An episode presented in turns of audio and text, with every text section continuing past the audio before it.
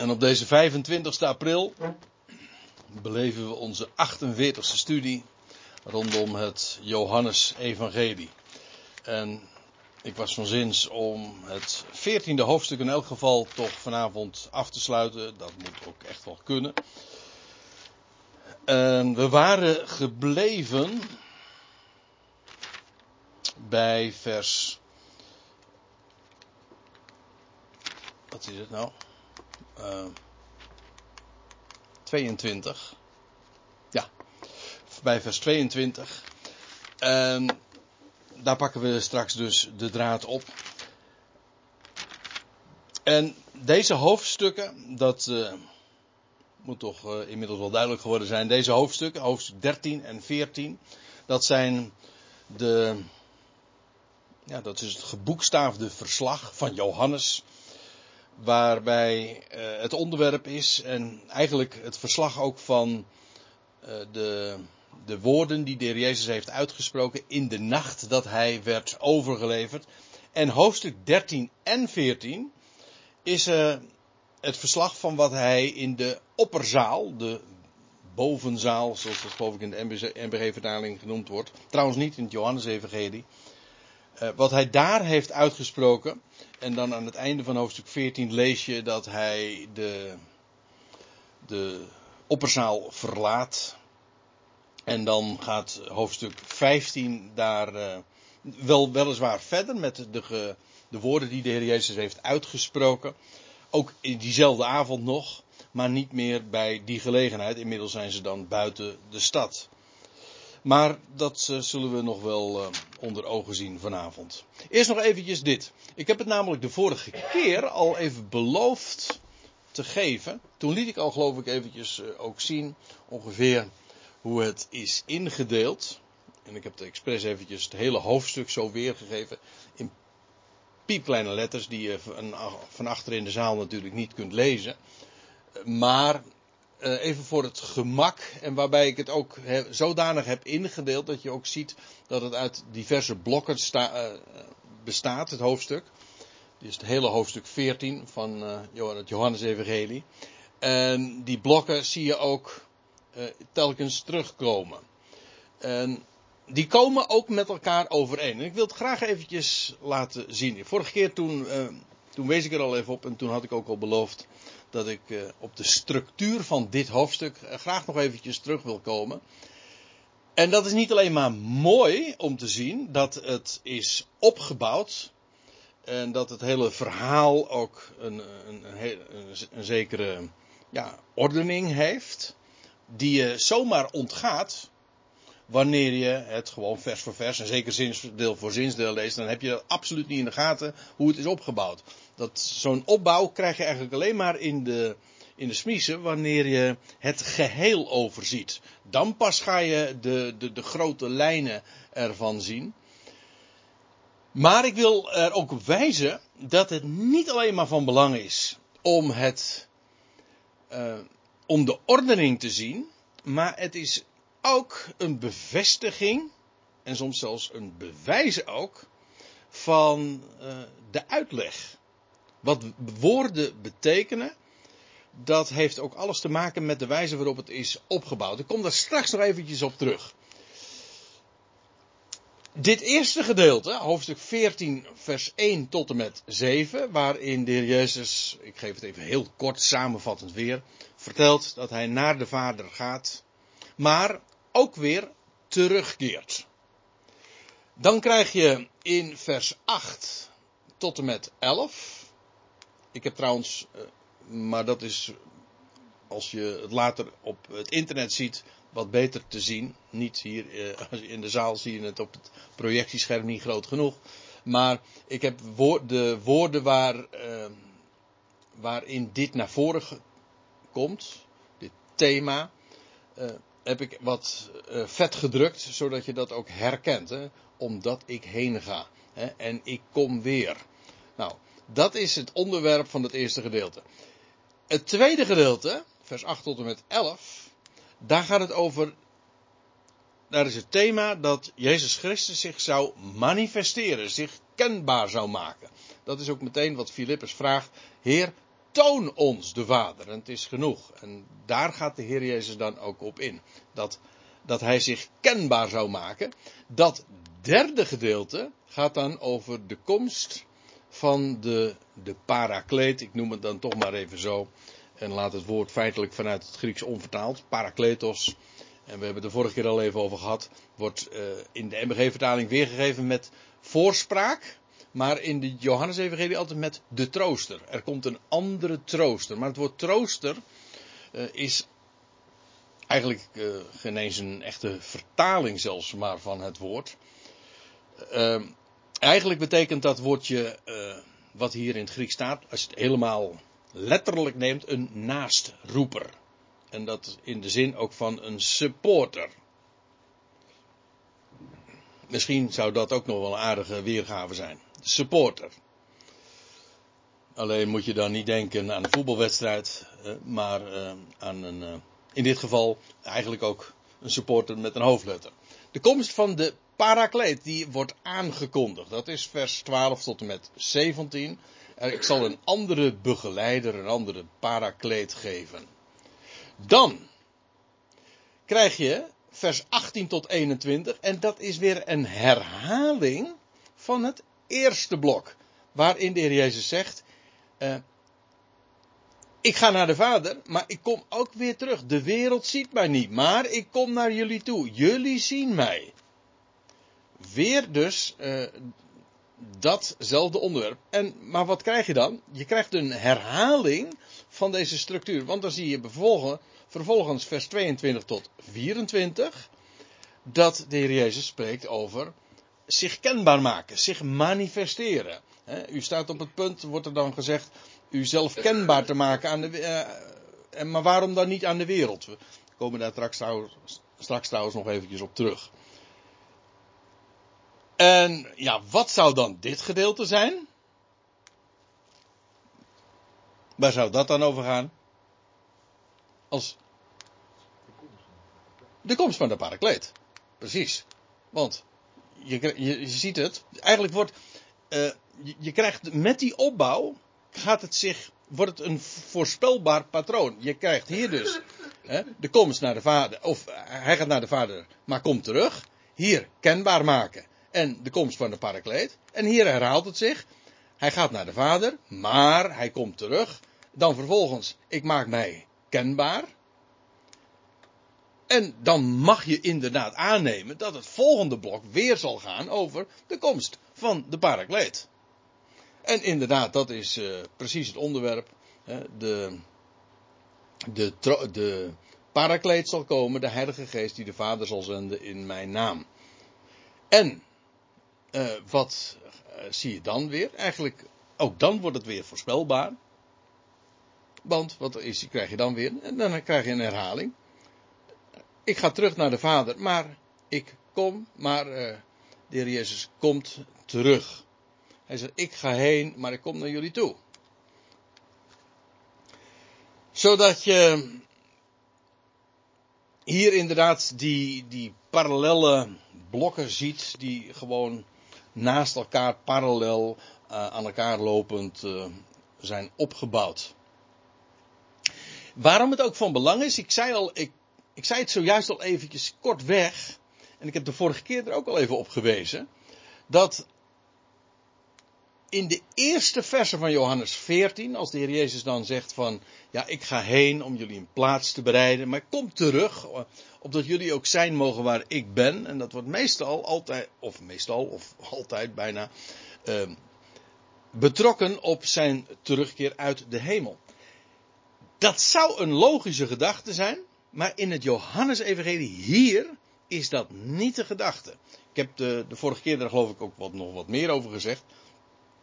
Maar in deze opbouw blijkt ook dat dat niet de gedachte is. Kijk, hier is, in dit blok zie je dat, dat de Heer eh, zich daar zo over, over uitlaat. Vers 18 tot 21, ziet u, komt dat weer terug. En in vers 28 tot 31 ook. Maar waar heeft hij het dan over? Wel, over het feit dat de Heilige Geest uh, zou komen. Namelijk de parakleet. Hè? Ik kom naar jullie toe.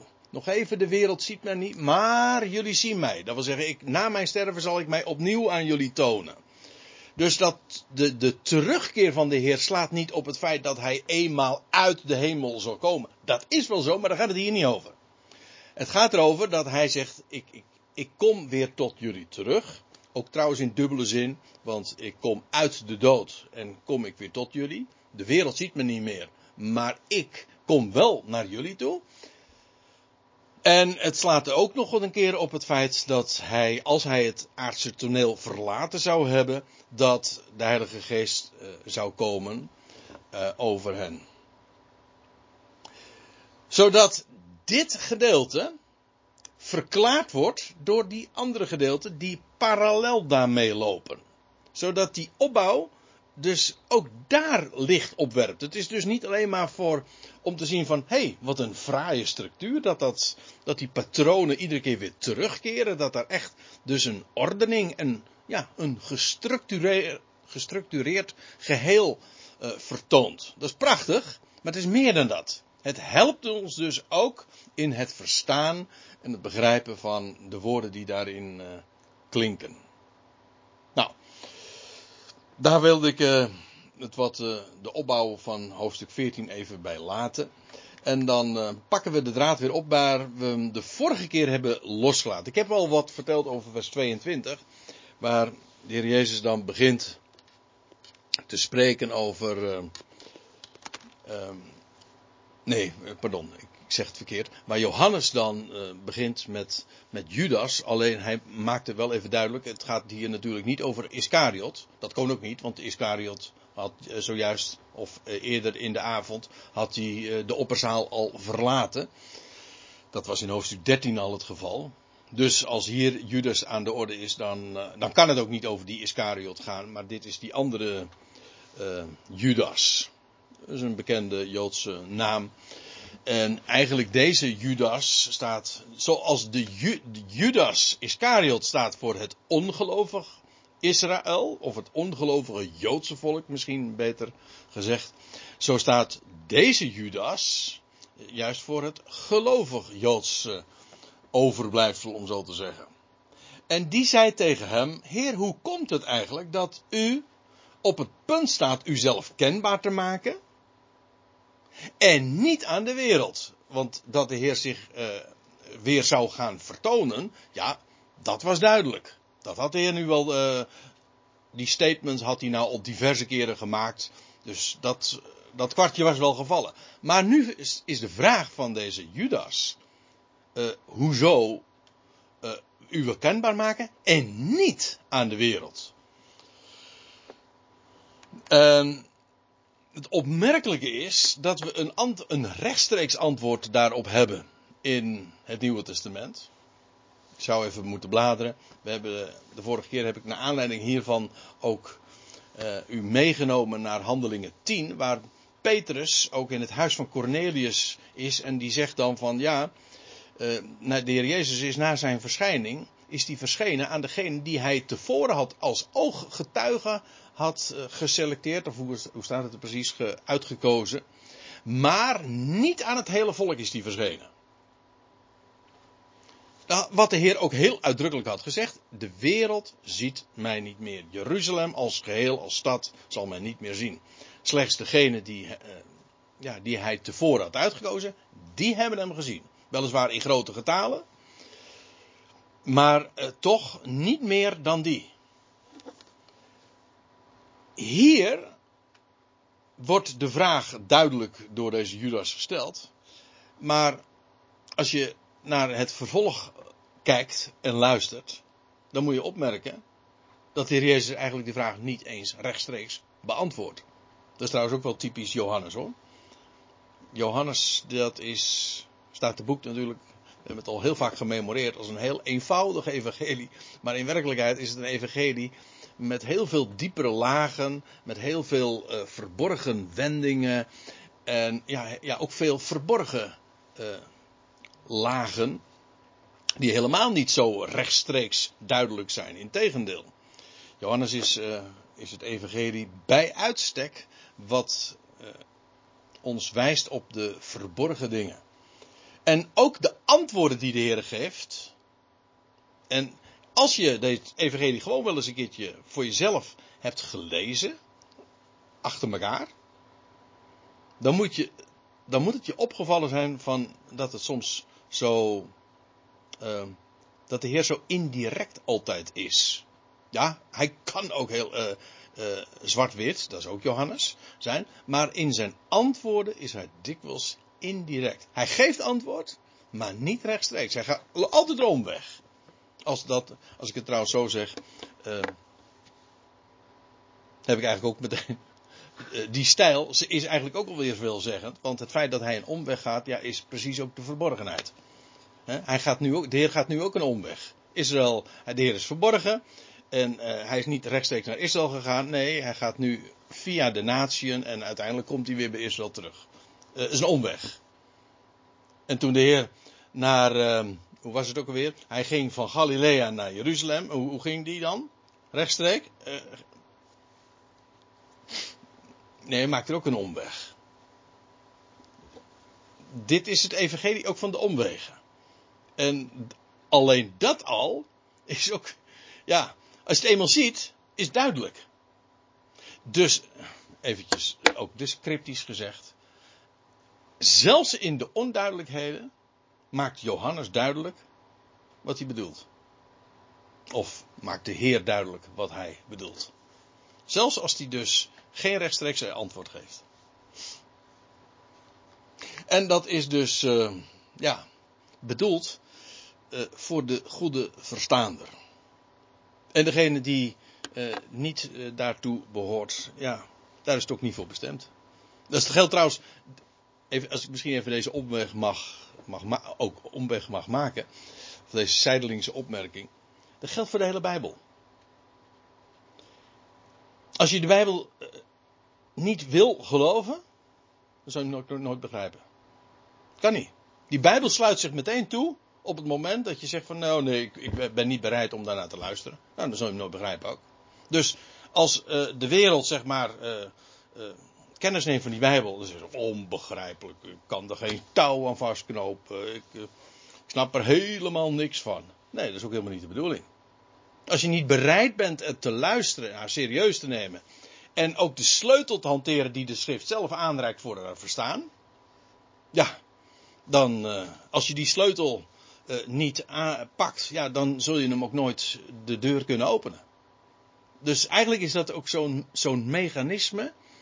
Uh, waarin God al meteen ook selecteert of voorsorteert, zeg maar op wie hij wil bereiken.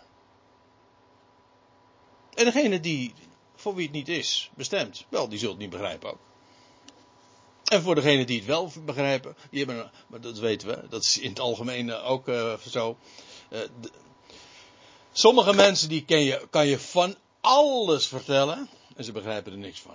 En andere mensen hebben een half woord al genoeg. Ja. That's the difference.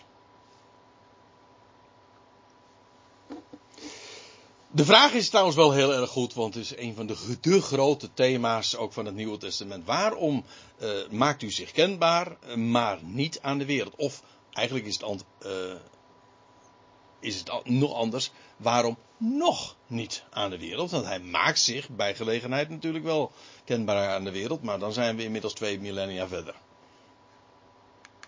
Twee dagen, hè, om het even op zijn Johannes, Johannes te zeggen. We verder. Jezus antwoordde. En zei tot hem: Indien iemand mij lief heeft. Ziet u, dit is geen rechtstreeks antwoord. Maar hij gaat nu iets anders zeggen. In, maar in feite is het een antwoord. Uh, indien iemand mij lief heeft, zal hij mijn woord bewaren. Wat mij ook ja, erg logisch voorkomt. Logisch. Als je iemand, als je iemand inderdaad als je hard naar iemand uitgaat, dan blijkt dat simpelweg daaruit dat je luistert naar wat die persoon te melden heeft, te zeggen heeft. En sterker nog, uh, elk woord vang je op en die overdenk je en je stelt je de vraag van wat zou het betekenen. Ja, dat, dat is juist die affectie. Dat is de liefde. Je bent je wil, je bent juist daar nieuwsgierig naar. En de Heer zegt, indien iemand mij lief heeft, zal hij mijn woord bewaren. En dit is ook, uh, dit is ook weer typisch zo'n thema wat iedere keer weer terugkeert. Alleen al in dit hoofdstuk had uh, stond als zo, iets soortgelijks al twee keer. En, zegt de Heer, mijn vader zal hem liefhebben en wij, dat wil zeggen mijn vader, maar ook ik, zullen naar hem toekomen. En wij zullen verblijf bij hem maken. Hé, hey, maar dit herinnert aan wat, we, wat ik zojuist al even zei over het feit dat de Heer zal terugkeren. Hier heeft hij het over, wij zullen naar hem toekomen. Hoe dan? Letterlijk zal de Heer letterlijk, lijfelijk uh, naar hem toekomen. Ja, dat wel, maar daar gaat het hier niet over. Het gaat hier over zijn komst en ook van de Vader in Heilige Geest. Ik kom daar straks nog even op terug. Als we in vers 26 uh, zijn gekomen.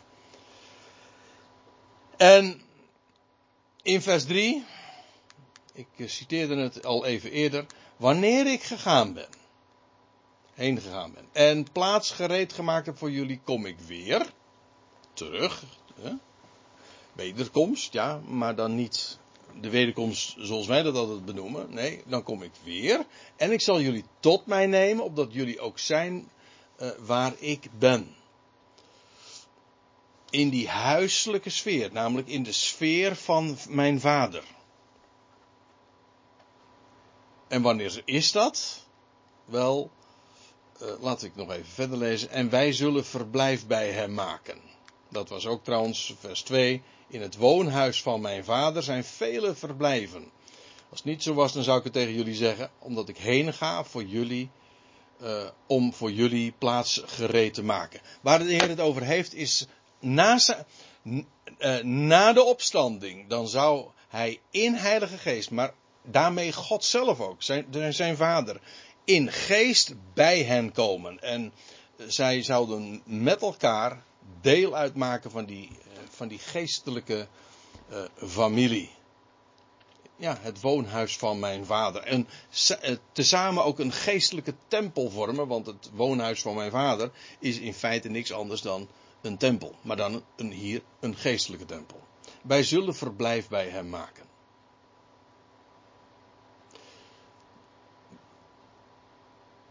Hier zie je dus, inderdaad, de Heer keert terug. Hij zegt, maar ook mijn vader komt dan. Ja, en wij zullen verblijf bij hem maken. Bij degene dus die mij lief heeft en mijn woord uh, bewaart. Nogmaals, uh, de Heer spreekt hier in de eerste plaats gewoon tot degenen die daar in die zaal zijn. De, de, de apostelen in spe. Ja, uh, dit is de andere kant van de medaille. Wie mij niet lief heeft. Oh, sorry voor de spelfout. Wie mij niet lief heeft, bewaart mijn. Uh, oh, dat is ook een spelfout. Bewaart mijn woorden niet. Twee Twee spelfouten. Neem me niet kwalijk. En dat voor een docent Nederlands. Hè? Uh, wie mij lief heeft, bewaart mijn woorden. Ja, en dat is weer zo'n typische Johannes tegenstelling. En wie mij niet lief heeft, bewaart mijn woorden niet. Daaraan herken je ook iemand die lief heeft en die niet lief heeft. En het woord dat jullie horen, dat is niet van mij, maar van de Vader die mij zendt. De Heer was was zelf ook dat woord. Deze dingen heb ik tot jullie gesproken terwijl ik bij jullie verblijf. Weet u dat de Heer dit alleen al in de nacht of in de avond dat hij werd overgeleverd zeven keer heeft gezegd? Deze, deze zin, deze dingen heb ik tot jullie gesproken. Dat is een refrein in deze hoofdstukken. Ik heb het eh, voor u gemakkelijk gemaakt. Voor de, uh, nou ja, nu heb je er niet zoveel aan, maar als je het later uh, in de PowerPoint ziet, zeg maar, op internet, dan kun je het allemaal eens nagaan. Die zie je het in hoofdstuk 14, vers 25. Dat is hier dus. En 15, vers 11. En 16, vers 1, 4, 6, 25, 33. Zegt de Heer exact hetzelfde. Deze dingen heb ik tot jullie gesproken. En waarom zegt hij dat? Omdat hij daarmee terugblikt uh, op wat hij gezegd heeft. Het is dus eigenlijk een, een afscheidsboodschap, maar ook een samenvatting. De, hoe doe je dat? Hè? Op het moment dat je afscheid neemt, ja, dan neem je nog eens door dat wat je hebt, ja, waar het allemaal om ging, waar het om draaide. En dan zeggen van, nou, dit heb ik tot jullie gezegd. Dit, hier ging het nou allemaal om. En in feite, wat uh, dan telkens weer doorklinkt, is ja, in feite de samenvatting van wat de Heer te melden had. En het feit dat hij dat zeven keer zegt, ja, daar kom je alleen maar achter als je telt. Maar als je het geteld hebt, dan zie je ineens, hé, hey, zeven keer. Dat kan toch niet zomaar zijn. Maar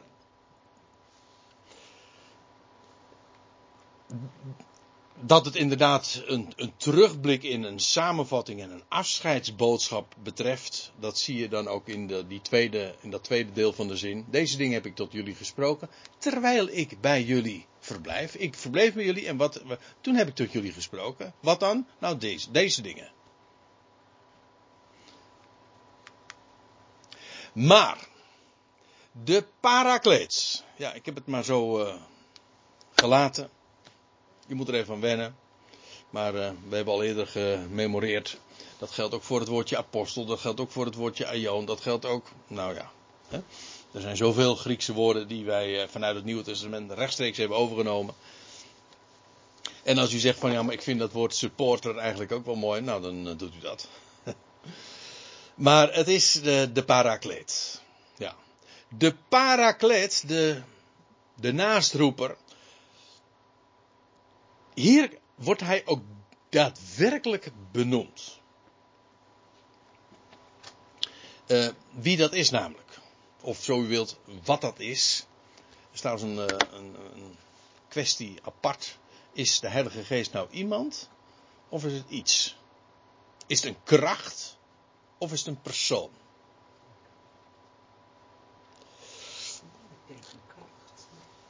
Ja, dat denk ik. Dat,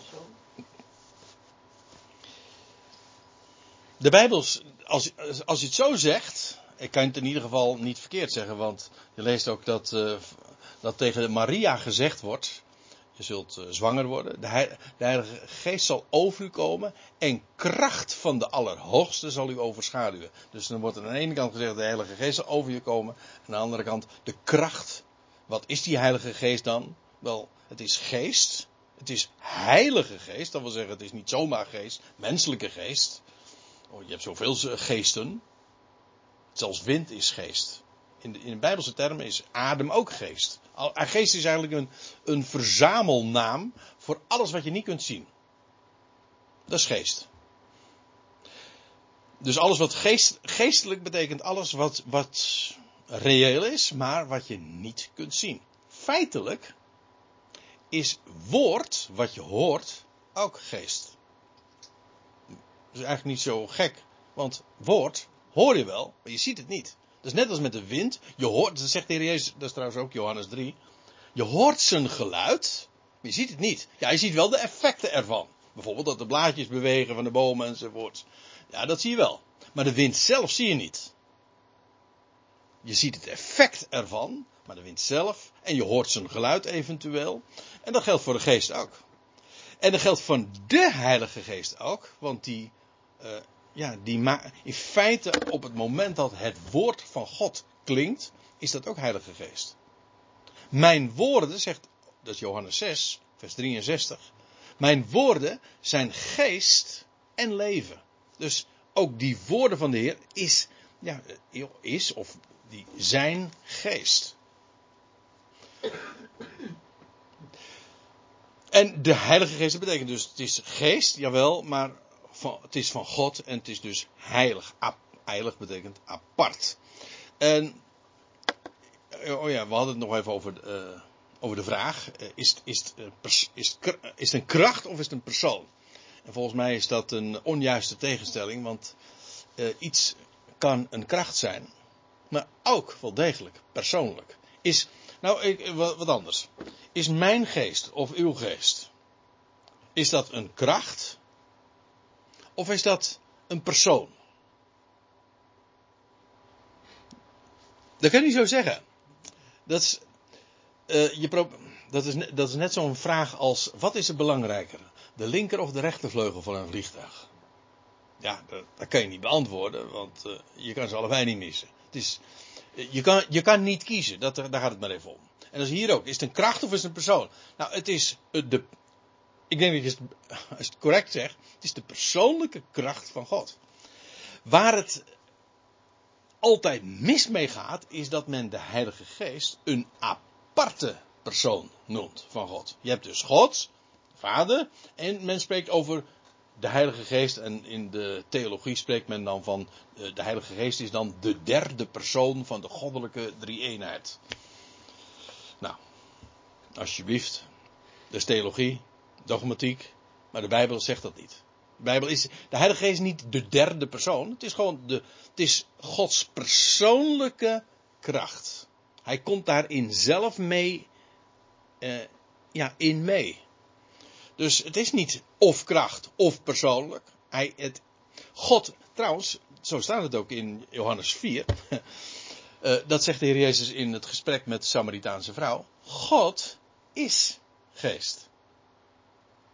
Ja, is geest persoonlijk? Ja, natuurlijk, want God is persoon. God is iemand, toch?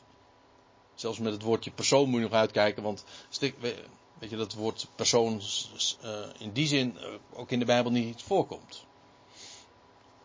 Maar is iemand met, met wie je kunt communiceren, die je lief heeft, die spreekt, die hoort, die, nou ja, al dat soort uh, dingen die horen bij iemand.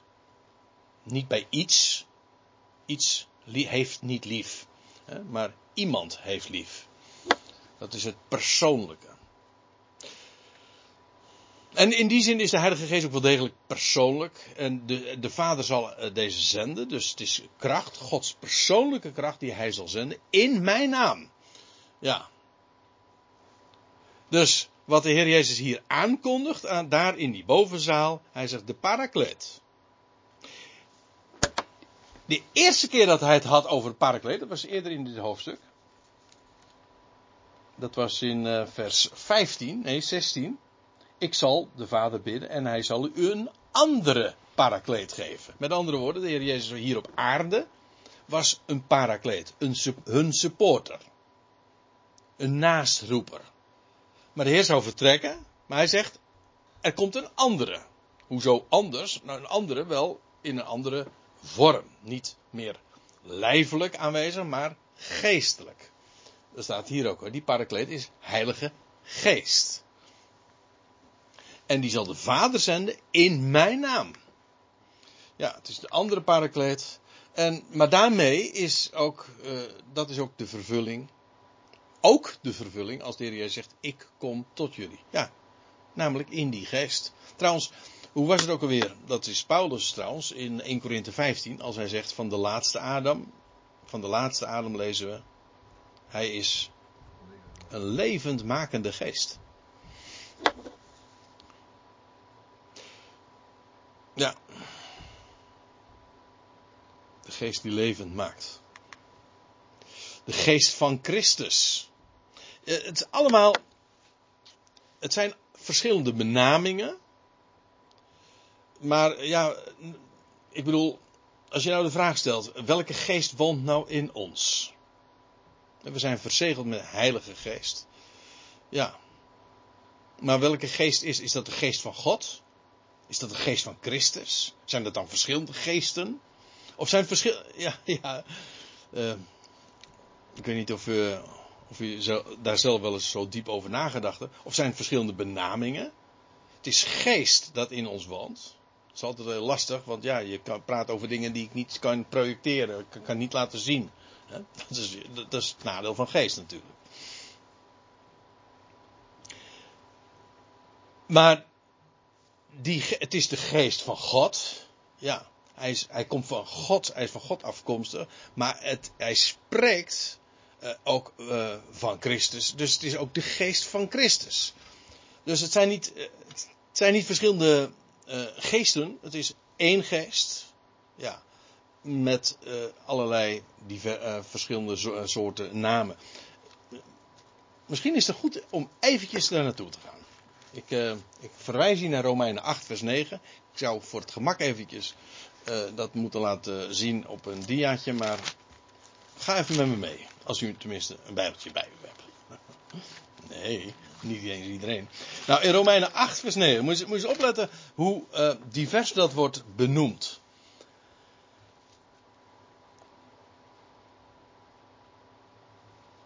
Uh, in Romeinen 8, daar staat dit in vers 8. Nee, in vers 9. Jullie daarentegen, ik lees vooruit de MBG-vertaling. Jullie daarentegen zijn niet in het vlees, maar in geest. Althans, indien de geest Gods, let op, de geest Gods in jullie woont. Indien echter iemand de geest van Christus niet heeft, hé, hey, geest Gods, geest van Christus, die behoort hem niet toe. Indien Christus in jullie is, dan is wel het lichaam dood vanwege de zonde, maar geest is leven. Vanwege de gerechtigheid. Nou, waar ik me even naar, naar verwijs, is dat je hier drie namen vindt van dat wat in ons is. Eerst wordt het genoemd de geest van God. Vervolgens wordt het genoemd de geest van Christus. Die geest van God is namelijk ook de geest van Christus. Dat is geen tegenstelling. Dat is niet een, een, een andere geest. Een tweede geest of zo. Nee. En dan wordt er ook nog gezegd. Indien Christus in jullie is. Hé. Hey. Dus die geest heet ook gewoon Christus. Het is de geest van Christus die in ons woont. Niet Christus lijfelijk, want die is daar boven. Maar in de geest woont hij in ons. En hoe woont hij in ons? Ja, anders dan gewoon weer in, door zijn woord. En als je het eenmaal doet, ik zal u, uh, misschien mag ik dat zo eventjes delen, maar uh, voor mij werd dit uh, allemaal eigenlijk volkomen helder op het moment dat ik ging begrijpen dat het woord zelf geest is. Ik weet, het is in de christelijke wereld nogal gebruikelijk om woord en geest, zeg maar, uh, in tweeën te knippen. Je hebt woord en je hebt geest. Maar het is niet. Woord en geest is één. Het woord is geest. En op het moment dat dat duidelijk wordt, dat, die, dat zijn woord in ons woont, ja, dan wordt de geest in ons. Maar daarmee woont Christus ook in ons. En daarmee woont God zelf ook in ons. Allemaal vanwege dat woord. Dat woord is geest, dat is leven. Dus dat, zijn, dat is niet een optelsom van, oh, dat woont in ons, dat woont in ons, dat woont in Nee, het is één. Het is die geest die in ons woont. En dat is, en die heeft allerlei verschillende namen. En allerlei verschillende facetten en aspecten. En allemaal, allemaal tot je dienst. Maar het is die, dat woord dat in ons woont. En, en dan wordt het ineens ook een stuk concreter. Dat woord, dat woord woont in ons hart. Ja, maar dat is geest. Dat is geest.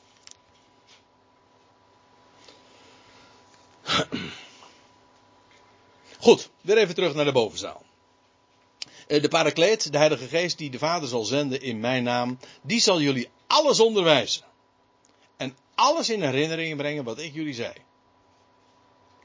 Hey, en nu wordt het weer opnieuw, uh, ja, toch wel heel concreet. Ook wat die geest gaat doen. Wat de Heer eigenlijk zegt is, ja, ik, ik vertrek. Maar uh, ik heb nog veel meer te melden. Maar dat ga ik niet doen. Dat zal die geest gaan doen. Die zal jullie alles in alles onderwijzen. In, we, we bladeren even door. Hoofdstuk 16. Zegt de Heer dit. Hoofdstuk 16, vers 12. Nog vele dingen heb ik jullie te zeggen. Maar jullie kunnen dat op dit moment niet dragen. Maar wanneer hij komt, de geest van de waarheid, zal hij jullie de weg wijzen. In alle waarheid. Want hij zal niet spreken van zichzelf, Maar zoveel hij hoort, zal hij spreken. En de komende dingen zal hij jullie verkondigen. Dus die geest gaat nog uh, heel veel uh, betekenen. En wat de Heer eigenlijk zegt, ik ga weg, maar uh, het is nog lang niet klaar. Ik, heb, nog een heleboel te melden, maar jullie moeten er onderwezen worden. Jullie moeten de weg gewezen worden in alle waarheid. Ziet u? In alle waarheid. En wat hij gaat doen, is ook de komende dingen zal hij jullie verkondigen. In feite, wat je hier ziet, ook in dit. Uh, uh, hij zal jullie onderwijzen, dus hij gaat jullie dingen duidelijk maken, leren. En hij, en hij zal, staat er, en alles in herinnering brengen wat ik jullie zei. Maar nu zijn we eigenlijk weer terug bij af. Of in elk geval bij wat ik zojuist zei. Geest is woord. Wat de, wat de geest heeft gedaan. Ik bedoel, de geest is gekomen en wat hij heeft hij. Uh, waar heeft hij voor gezorgd? Dat de apostelen bekwaam gemaakt werden om het woord door te geven, maar niet alleen maar te spreken, maar ook om het op te tekenen. Want als hij zegt, hij zal, hij zal jullie, eh, hij zal komen en, en jullie in alles onderwijzen, dus er moet nog veel meer geleerd worden.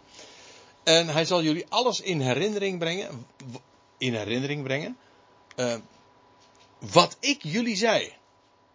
Dus de Heer heeft zoveel tot hen gezegd, maar hoe zou dat allemaal uh, zijn beslag gaan krijgen? Dat moest worden vastgelegd. Hoezo? Het moest niet alleen worden verteld, maar het moest ook worden vastgelegd. Stel je voor dat de apostelen dat alleen maar toen hadden verkondigd. Dan hadden we geen, geen Bijbel gehad, hadden we hier in 2019 niet een Bijbelstudie kunnen doen. Het moest worden vastgelegd. En dat is wat zij hebben gedaan. En dat, en, maar daarmee moest ook eerst alles worden. Uh, ja, moest die geest komen en hen alles in herinnering brengen wat Jezus had gesproken. En feitelijk wat de Heer doet, is hiermee een soort keurmerk geven op voorhand van ja, wat wij dan noemen de evangeliebeschrijvingen. Matthäus, Marcus, Lucas, Johan, ja, met name dan Johannes natuurlijk. Dat hij zegt, de Heer zegt eigenlijk hier op voorhand al, uh, straks komt de geest, die gaat jullie onderwijzen. In alles. En hij gaat jullie in herinneringen brengen, dat wat ik jullie gezegd heb. Met andere woorden, dat wat er ook opgetekend gaat worden, in wat wij nu dan de evangeliebeschrijvingen noemen, die zijn compleet en ook betrouwbaar. Dat wil zeggen, ze, ze vermelden alles wat nodig is. Niet alles wat verteld kan worden, want Johannes zegt zelf, uh, dan zou het de wereld te klein zijn om het aantal boeken te bevatten. Maar wel compleet in die zin, alles wat nodig is, alles wat gemeld moet worden, dat uh, zal gesproken en beschreven worden. En bovendien ook betrouwbaar. Het woord is solide. Ik vind het zo opvallend. Ik ben in uh, Katwijk uh, bezig met een serie over het Lucas-evangelie. En dan zie je ook dat als Lucas begint, met, dan zegt hij van ja, hij, hij wijdt zijn boek dan aan, aan Theophilus. En dan zegt hij van ja, dat schrijf ik nu allemaal. Opdat je de betrouwbaarheid zou erkennen van waar, je, van waar je in onderwezen bent. En dat geldt eh, niet in het minst natuurlijk ook van het Johannes-evangelie zelf. Johannes die als laatste dit evangelie heeft opgetekend. En uh, inmiddels ook geüpdate is door Paulus. En, ja, en dan met terugwerkende kracht alles nog eens uh, in herinnering brengt van wat hij heeft meegemaakt. En allerlei dingen beschrijft die de andere evangelisten niet eens hebben vermeld. We, hebben al, we zijn al zoveel geschiedenissen tegengekomen die we bij Matthäus niet vinden, Marcus niet vinden en Lucas niet vinden. En Johannes die brengt, ja, die vertelt het. Ja, waarom? Ja, vanwege, vanwege de dubbele bodem, vanwege de verborgenheden die eigenlijk al uh, besloten lagen in, uh, ja, in wat hij heeft, heeft opgetekend. Dat is uh, wat die geest uh, zou doen. En leiden in de waarheid en alles in, in herinnering brengen. Dus het heeft een heel concreet doel ook. En uh, in, het, in het bijzonder ook voor ja, de schriften die we nu ook hebben en de evangeliebeschrijvingen. Ik zie dat het uh, 5 en 9 is. Zullen we eerst eventjes een kopje koffie drinken? Dan gaan we straks verder met vers 27.